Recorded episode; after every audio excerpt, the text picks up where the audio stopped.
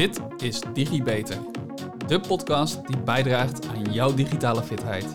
In deze podcast ga ik, Julian Rijmakers, al dan niet met gasten, in op zaken die bijdragen aan jouw e-vaardigheid en e-vakmanschap. Hey allemaal en welkom bij weer een nieuwe DigiBeter. Man, wat heb ik er weer een zin in vandaag. Deze week gaan we werken om jouw digitale fitheid verder te vergroten rondom Artificial Intelligence, ofwel AI. Jazeker, dezelfde waar we in de zesde podcast al de basis voor gelegd hebben. En heb je die nog niet geluisterd, is het zeker de moeite waard om die hiervoor of hierna nog een keertje terug te luisteren. Alle kranten afgelopen week eh, en enkele nieuwsites besteden uitgebreid aandacht aan het advies van het WRR over kunstmatige intelligentie AI. De WRR vindt namelijk dat in Nederland niet goed, uh, men niet goed is voorbereid op grote veranderingen die AI met zich meebrengt. De politiek zou hier veel, veel meer oog moeten hebben voor wat er in de AI gaat spelen. Anders is er een kans dat er bepaalde risico's gemist worden. Maar ook dat de samenleving opgescheept wordt met een technologie die onze belangen niet dient. Media noemen bijvoorbeeld de toeslagenaffaire en Siri als voorbeelden van waar het fout kan gaan met inzet van AI. En WRR-voorzitter Prins vindt dat de overheid structureel haar taken op het gebied van digitalisering verwaarloost. Nou, om deze reden zullen we de komende podcast en deze podcast ingaan ook op machine learning en deep learning, vormen van AI. Maar zoals jullie afgelopen week uh, al gehoord hebben, heb ik een nieuwe in- en outro tune voor de podcast. En die sluit perfect aan voor, bij dit topic vandaag, namelijk voorbeelden uit de AI. En langzaam groeit de kwaliteit van de podcast en dat heb ik mede ook aan jullie input te danken. Dus heb je nog tips voor me of vragen, weet me dan te vinden op LinkedIn en stuur me een berichtje. De link staat in de show notes. Ja, een nieuwe intro en outro tune. En die zijn best belangrijk, ook voor het onderwerp van vandaag. Want vandaag ga ik verder op artificial intelligence. En wel op de basis van een vraag.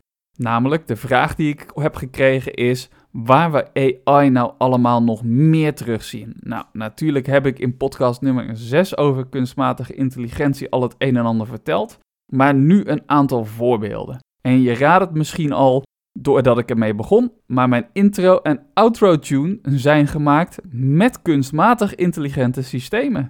Systemen die getraind zijn om op basis van een aantal van mijn keuzes de tunes te genereren. Nou, daarover later meer. Zoals ik in mijn vorige podcast al zei, AI klinkt misschien een beetje gek en als science fiction, maar het komt echt al op heel erg veel plaatsen terug in ons leven. Soms hebben we dat door, zoals bijvoorbeeld hè, als we communiceren met Google of Siri eh, en als ze ons leiden naar de dichtstbijzijnde supermarkt. En soms hebben we dat helemaal niet door of niet zo goed door wanneer het bijvoorbeeld gaat om een fraudemelding die je krijgt bij een abnormale aankoop die je gedaan hebt met je bank of met je creditcard. Het zit in onze smartphones, auto's, banken, huizen. En vandaag ga ik ook een aantal leuke sites met jullie delen waarin je zelf met AI kan spelen. Ik hoop namelijk dat je net zo enthousiast wordt van dit onderwerp als ik. Maar de eerste AI waar ik het over wil hebben, dat zijn toch de virtuele assistenten. Veel van ons kennen ze wel. Siri van Apple, Google Now van Google natuurlijk, Microsoft's Cortana, beetje een flop en Alexa van Amazon. Nou, deze assistenten helpen ons met nuttige informatie op het moment dat we met onze stem vaak daarom vragen. Dit zijn vragen zoals: wat staat er op mijn planning vandaag? Of help me even herinneren dat ik oma bel. Waar is de dichtstbijzijnde benzinepomp eigenlijk? Niet alleen verzamelt dat AI-systeem de gevraagde informatie en geeft dat aan jou, maar het systeem leert ook van jou, zoals bijvoorbeeld doordat het je stem beter leert herkennen en wordt op deze manier steeds beter om jou te bedienen. En langzaam wordt die slimme assistent, of die, eh, dat AI-systeem, wordt langzamerhand steeds beter en beter. En tot het moment dat iedereen straks zijn eigen persoonlijke assistent heeft, zijn eigen PA. Dus niet meer alleen jouw manager, die, waar als je daar belt dat je de assistent te pakken krijgt. Nee, je kan zelf ook gewoon je eigen assistent hebben. Maar vrees niet, zover zijn we nog niet. Nou, een andere vorm die je waarschijnlijk wel kent, en ik irriteer me daar vaak aan, dat zijn de chatbots op bijvoorbeeld websites van je IT-dienstverlener of bij je werk. of bij de webwinkel waar je zo graag uh, je spullen koopt. Ik vertelde in de vorige AI-podcast al dat er bots zijn die mensen behoorlijk lang voor de gek kunnen houden. Maar meestal is dit nog niet het geval. Ik kan namelijk uit persoonlijke ervaring vertellen: het is erg lastig om zo'n bot in te richten. Kost echt enorm veel tijd en het vergt ook bijzonder veel informatie en het liefste in zo'n klein mogelijke stukjes die je dan aan die bot voert om die bot echt te trainen. Iedere vraag die je zo'n bot zou kunnen stellen, moet je specificeren. En daarbij moet je dan ook de antwoorden die die bot kan geven, allemaal stuk voor stuk aan, het uh, aan de vraag relateren. Iedere nieuwe vraag moet je dit dus weer opnieuw voor doen. Dus op het moment dat die vraag nog niet bestond en een gebruiker stelt zo'n vraag en de bot heeft geen antwoord, kan hij wel kijken in zijn database met al die antwoorden die er al zijn om te kijken of hij mogelijk een toepasselijk antwoord heeft. Maar is dat niet het geval, ja, dan loop je vast. Nou, voor al het bestaande moet je het natuurlijk ook nog eens onderhouden. Dus op het moment dat jij merkt dat zo'n bot een vraag krijgt en die bot krijgt niet het uh, juiste antwoord, dan moet je natuurlijk het aantal antwoorden misschien wel aanvullen.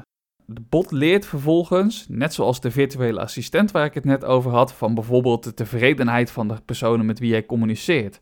Bijvoorbeeld iedere keer als jij boos wordt, sommige bots kunnen irritatie herkennen in de manier van schrijven. Of als je vraagt om een echte medewerker te bespreken, dan zou de bot op dat moment kunnen leren dat hij het verkeerde antwoord heeft gegeven.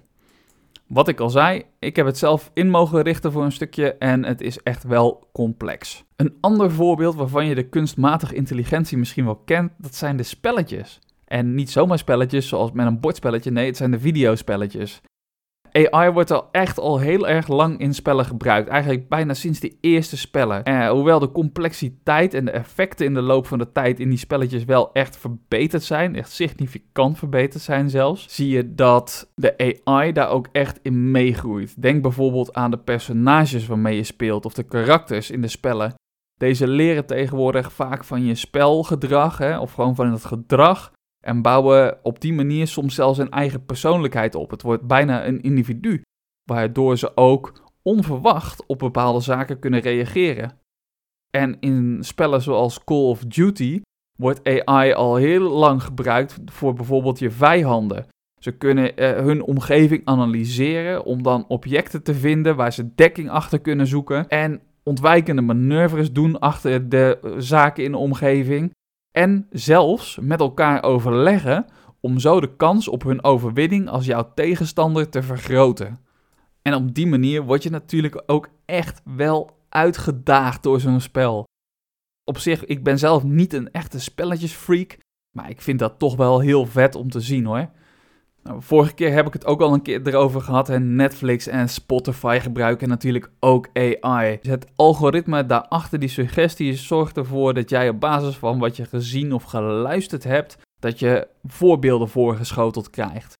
Nou, websites gebruiken dit op andere plekken ook heel veel. Hè? Platformen zoals een Amazon. En dat is misschien wel eens goed om daarover na te denken hoe dat jou ook kan helpen in jouw functie. Hoe kan het jou helpen uiteindelijk de gebruikers te helpen of hoe kan het jou als gebruiker helpen? Nou, ik zei het net al, grote winkels als Amazon gebruiken deze systemen ook om te anticiperen op de klantbehoeften. Ze proberen bijvoorbeeld je boodschappenlijstje al te voorspellen om te zorgen dat jij echt zorgenvrij bent. Want als jij blij bent, ben je loyaal en dan kom je terug. En in de vorige podcast heb ik het ook, eh, de afgelopen podcast, heb ik het gehad over platformen en hoe belangrijk het is om vanuit je klant de eindgebruiker te denken. En dit zie je ook heel erg goed terug in de platformen die heel groot zijn, dus vanuit Amazon. En ik mis dit soort dingen vaak nog bij de bedrijven en organisaties waar ik hier gezeten heb. Als collega, als medewerker, als consultant. Want je, ja, je ziet dat, die gedachtegang zie je toch nog niet heel erg veel terug.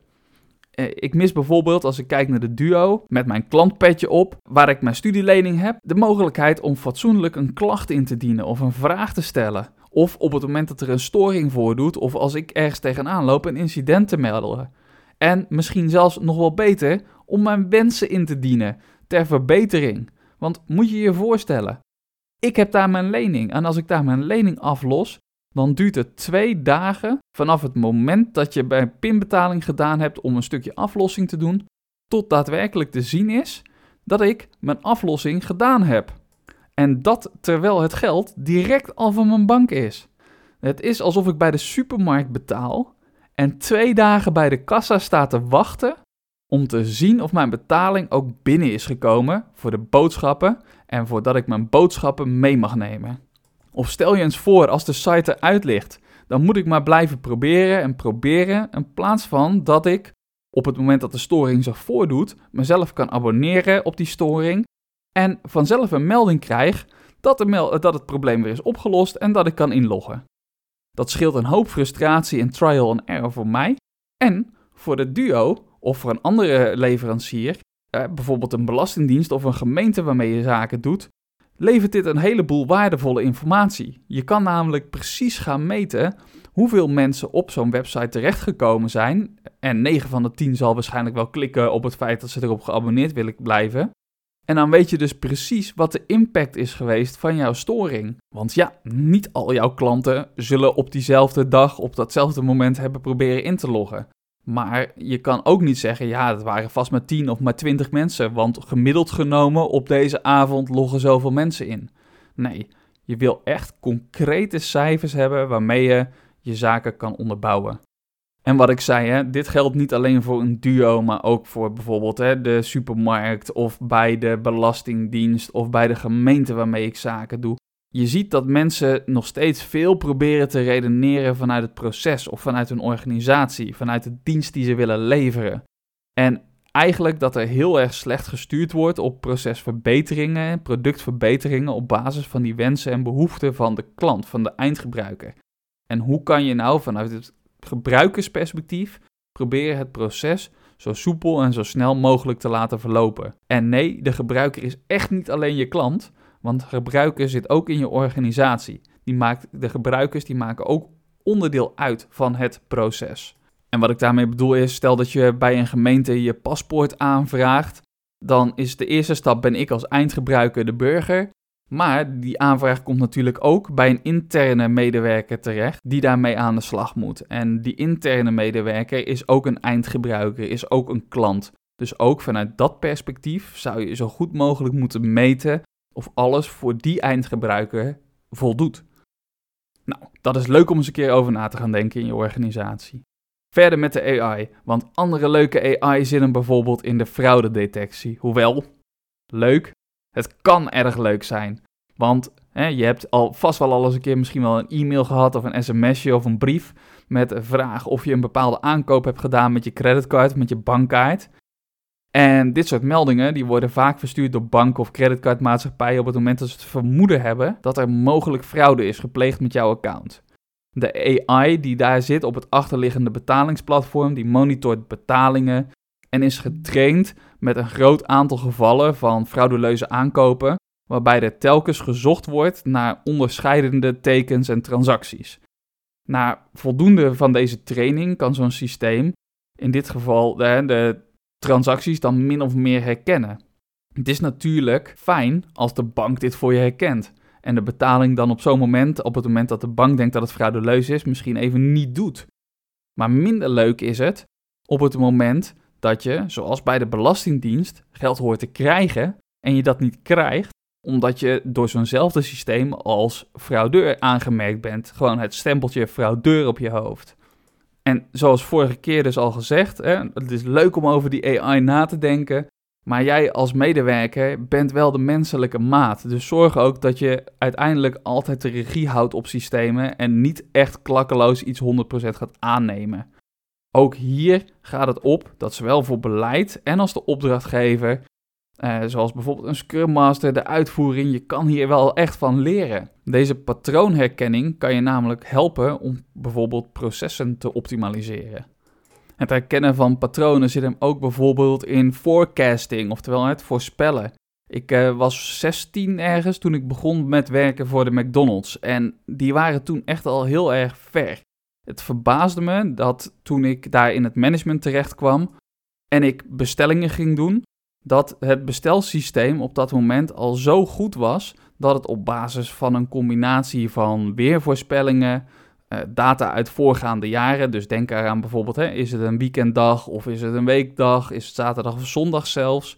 De tijden, zijn er feestdagen? Het systeem kon een combinatie van die data maken en daarmee helpen te bepalen wat er moest, besteld moest worden. Oftewel, als het een warme dag was in het weekend, dan wist het systeem dat ik meer milkshake moest hebben en meer ijs moest hebben. En dat was dus al, nou ja, ik durf het haast niet te zeggen, meer dan 20 jaar geleden.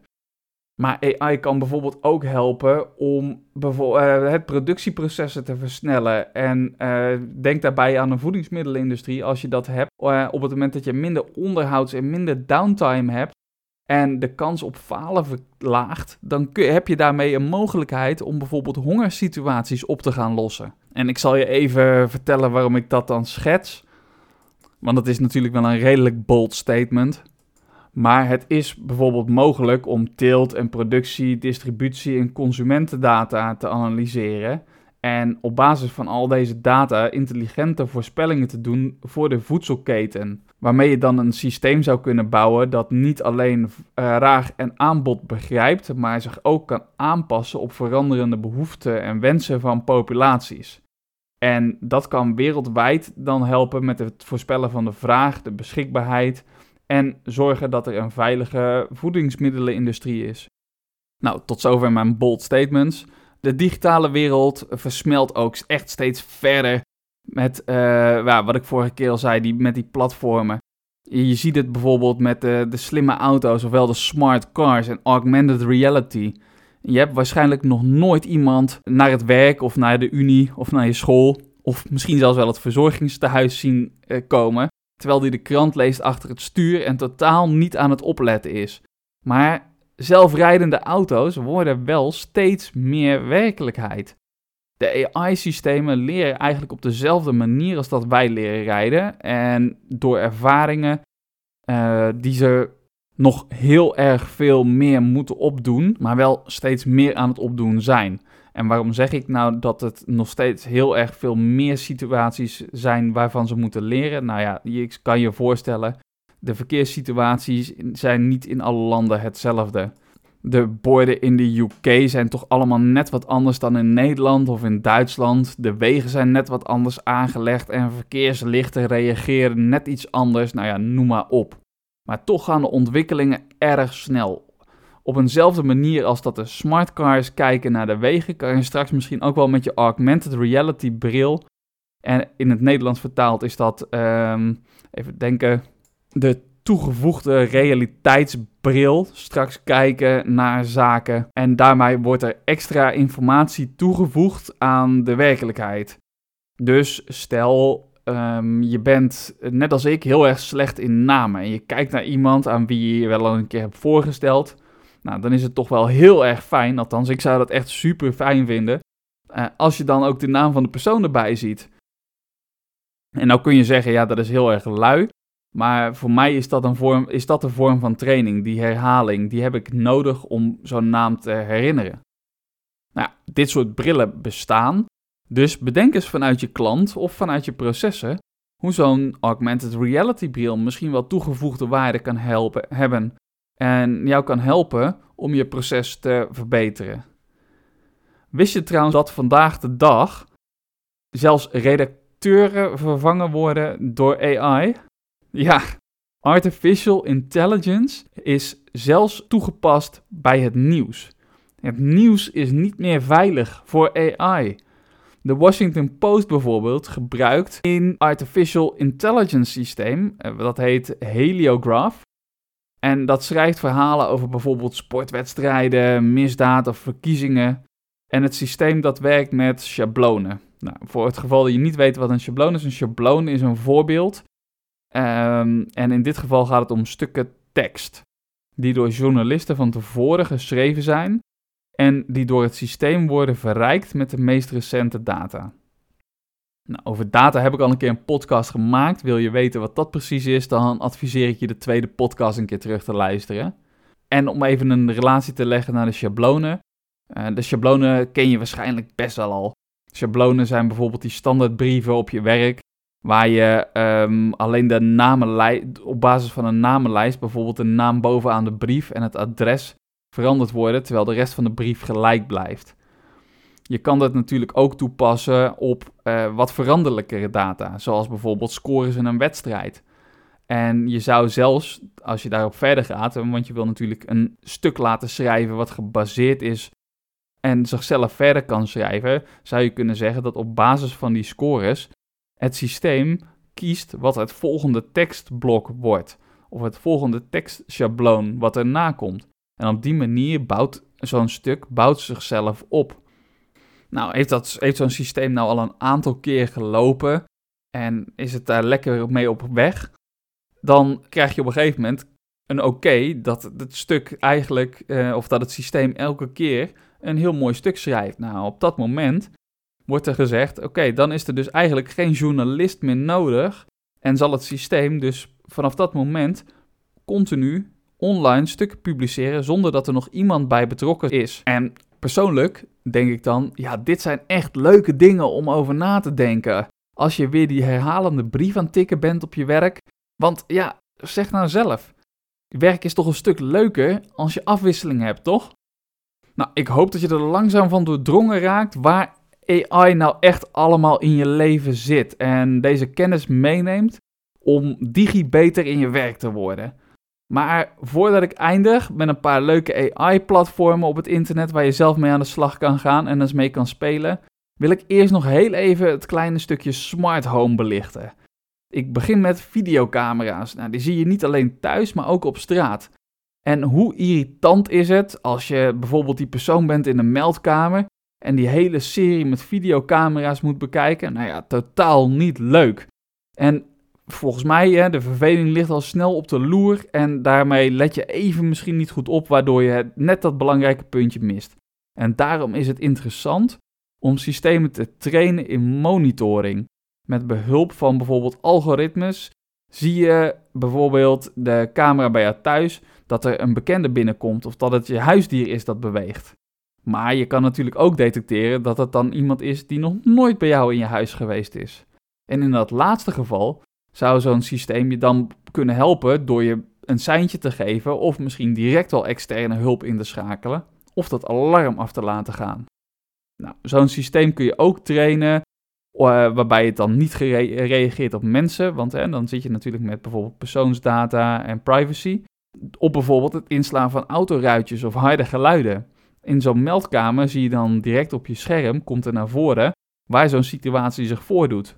Dat helpt je dan toch net als je afgeleid bent om toch dat belangrijke punt te zien. Nou ja, daarnaast zijn er nog andere domotica-systemen, ofwel hè, een domotica-systeem is een toegepast wetenschapssysteem in je huis, waarbij de technologie en de dienst samenkomen om jouw levensgenot, jouw levenskwaliteit te verbeteren.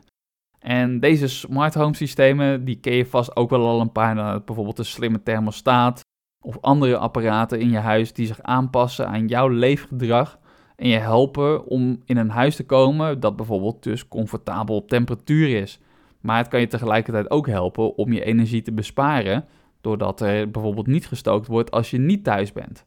Of het schakelt je verlichting aan als je niet thuis bent, waardoor er niet ingebroken wordt. Of dim bijvoorbeeld je verlichting op het moment dat je tv kijkt. Wel zo prettig. Maar ik kan me uiteindelijk best wel voorstellen dat je al deze systemen nog niet in huis hebt, nog een beetje huiverig daarvoor bent, eh, maar toch uiteindelijk nu heel erg enthousiast bent geworden, net zo enthousiast als ik over de AI en daarom eens een keertje wil gaan experimenteren. En daarom heb ik een aantal platformen opgezocht waarbij het toch leuk is om met AI te spelen. Ik zal de linkjes, zoals gezegd, ook delen in de show notes. Eh, de vorige keer ben ik ingegaan op de website wat voor hond jij zou kunnen zijn. Nou, hoe leuk is het op het moment dat jij jouw pasfoto pakt en die uploadt om eens te kijken welk type ras jij nou zou zijn. Die karaktereigenschappen, die karaktertrekjes in jouw gezicht, ja, met welke hond komen die nou eigenlijk overeen? En je vindt het vast ook wel leuk om mooie kunst in je huis te hebben. Je huis leuk aan te kleden. Maar zo'n schilderij van zo'n schilder is toch best wel duur. En om nou die schilder te vinden die helemaal aan jouw smaak voldoet, dat is ook wel lastig. Nou, Er is een hele mooie AI generator, de Deep Dream Generator bijvoorbeeld. Nou, daarmee kun je gewoon compleet je eigen kunstwerk genereren. Dus pak bijvoorbeeld uh, de foto van jezelf weer en doe er een schilderij over wat je vindt in Google van bijvoorbeeld Vincent van Gogh. En op die manier is jouw gezicht straks gewoon geschilderd in een Vincent van Gogh-stijl. Of ben je meer van de ja, wat modernere kunst, meer een Sean Scully eh? Nou, dan pak je een schilderij van Sean Scully met eh, al die verschillende strepen en vlakken en kleuren. En zet je daar eens een keer die over een van je foto's heen. Nou, dat is echt heel erg leuk en op die manier kun je hele mooie kunst genereren voor bij jezelf aan de muur zonder dat je er heel erg veel voor hoeft te betalen. Ja, wel lullig voor de kunstenaars, dus ja, probeer daar ook aan te denken. We willen natuurlijk geen mensen zonder werk laten zitten. En dat kan ik blijven herhalen, want ja, je kan ook je eigen muziek online genereren. Wat ik al zei, hè, de intro-tune en de outro-tune bij deze podcast, die zijn helemaal met AI gegenereerd. Nou, een van de websites waarmee je dat kan doen, zal ik delen in de show notes. Nou, en tot slot, misschien heb je er wel eens van gehoord, hè, met alle fraude, met bijvoorbeeld datingprofielen. Ja, je kan tegenwoordig je zo gek niet bedenken, maar je kan gewoon complete mensen digitaal genereren. Mensen die niet bestaan. Misschien heb je wel eens gehoord van de website thispersondoesnotexist.com. Nou, deze website heeft zoveel foto's van mensen en die kan allemaal van die karakteristieken bij elkaar brengen.